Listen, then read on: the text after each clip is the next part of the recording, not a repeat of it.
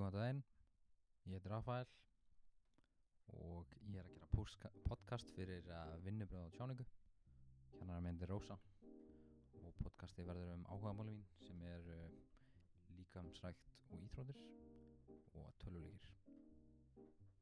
Ég ætla að byrja á íþróttanum Ég held ég hafi verið 6 ára því ég byrjaði í íþróttum Mamma mín neytti mig að vera í íþróttum þó svo ég hafi ekki viljað ætla að þakka henni fyrir það. Ég kynntist að fullt af fólki gegnum allra íþróttunar sem ég var í gegnum árin. Og ég fekk að velja um fótbolta og handbolta á þessum tíma. Ég valdi fótbolta því að flestir af vinnum mínum voru í fótbolta þegar vorum yngri. Og ég var alveg í þangað til í fymta bekk upp í sjötta bekk held ég. og þar á þeim tíma sem ég fekk bara alveg nóg.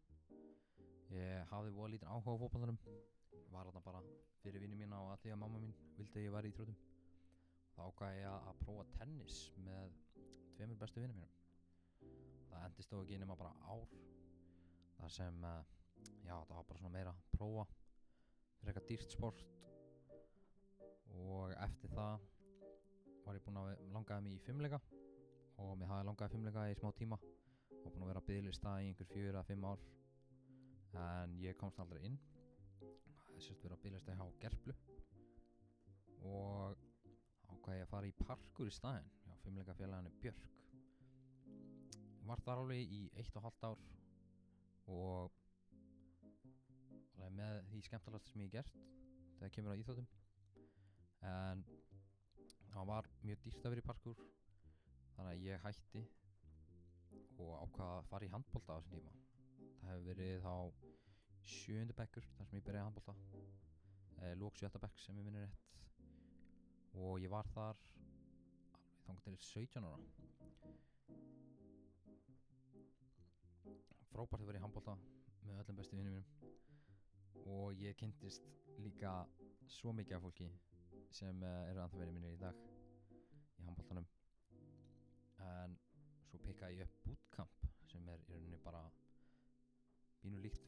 ekki bara aðeins minni liftingar meira meira svona þól, hlaup og léttar liftingar inn á milli. Ég var þar í tvö ár með handbóltanum og hætti svo 16 ára en svo hætti ég eins og ég sagði hann í handbóltanum 17 ára eftir eitt ári í mentó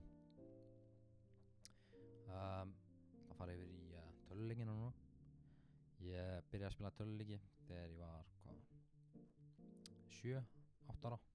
Sem maður hafði náttúrulega spilað einhver, einhver töluspil, Snake og eitthvað svona í síman hjá mömmu sinni. En ég fekk fyrstu leikjartöluna mína sem var Playstation 1 um 7 ára, minnir rétt. Það var kærasti mömmu sem kom heim í daginn og hann gaf mér Playstation 1 og það voru svona fullt af demoleikjum á henni. Crash Bandicoot, Spyro bara allir þessu klassísku Playstation 1 leikir sem voru frægir þá. Og það hefur verið svona fyrsta skipti sem ég var virkilega háður töluleikjum mamma mín var ekkert voðalega sátt með það en ég var íþjóttum á sama tíma og mér gekk vel í skólanum þannig að hún lefði ég að slæta.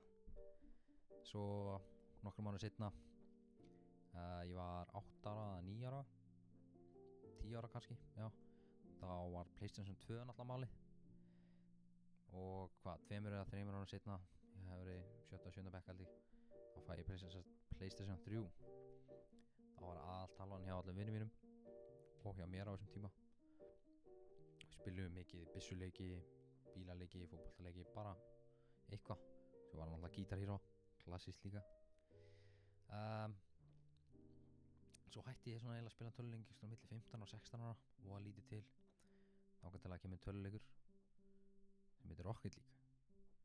Það kemur út sumarið 2015 það er bílafókbalti og ég veit að það hljóma vel. Þetta er líka besti leikur í heimi sko. uh, ég er búin að vera að spila þannig að bílafókbaltaleik í núna 6 ár bara eiginlega síðan að koma út. Uh, búin að eða fleiri þúsundur klukktíma minni í hennan leik.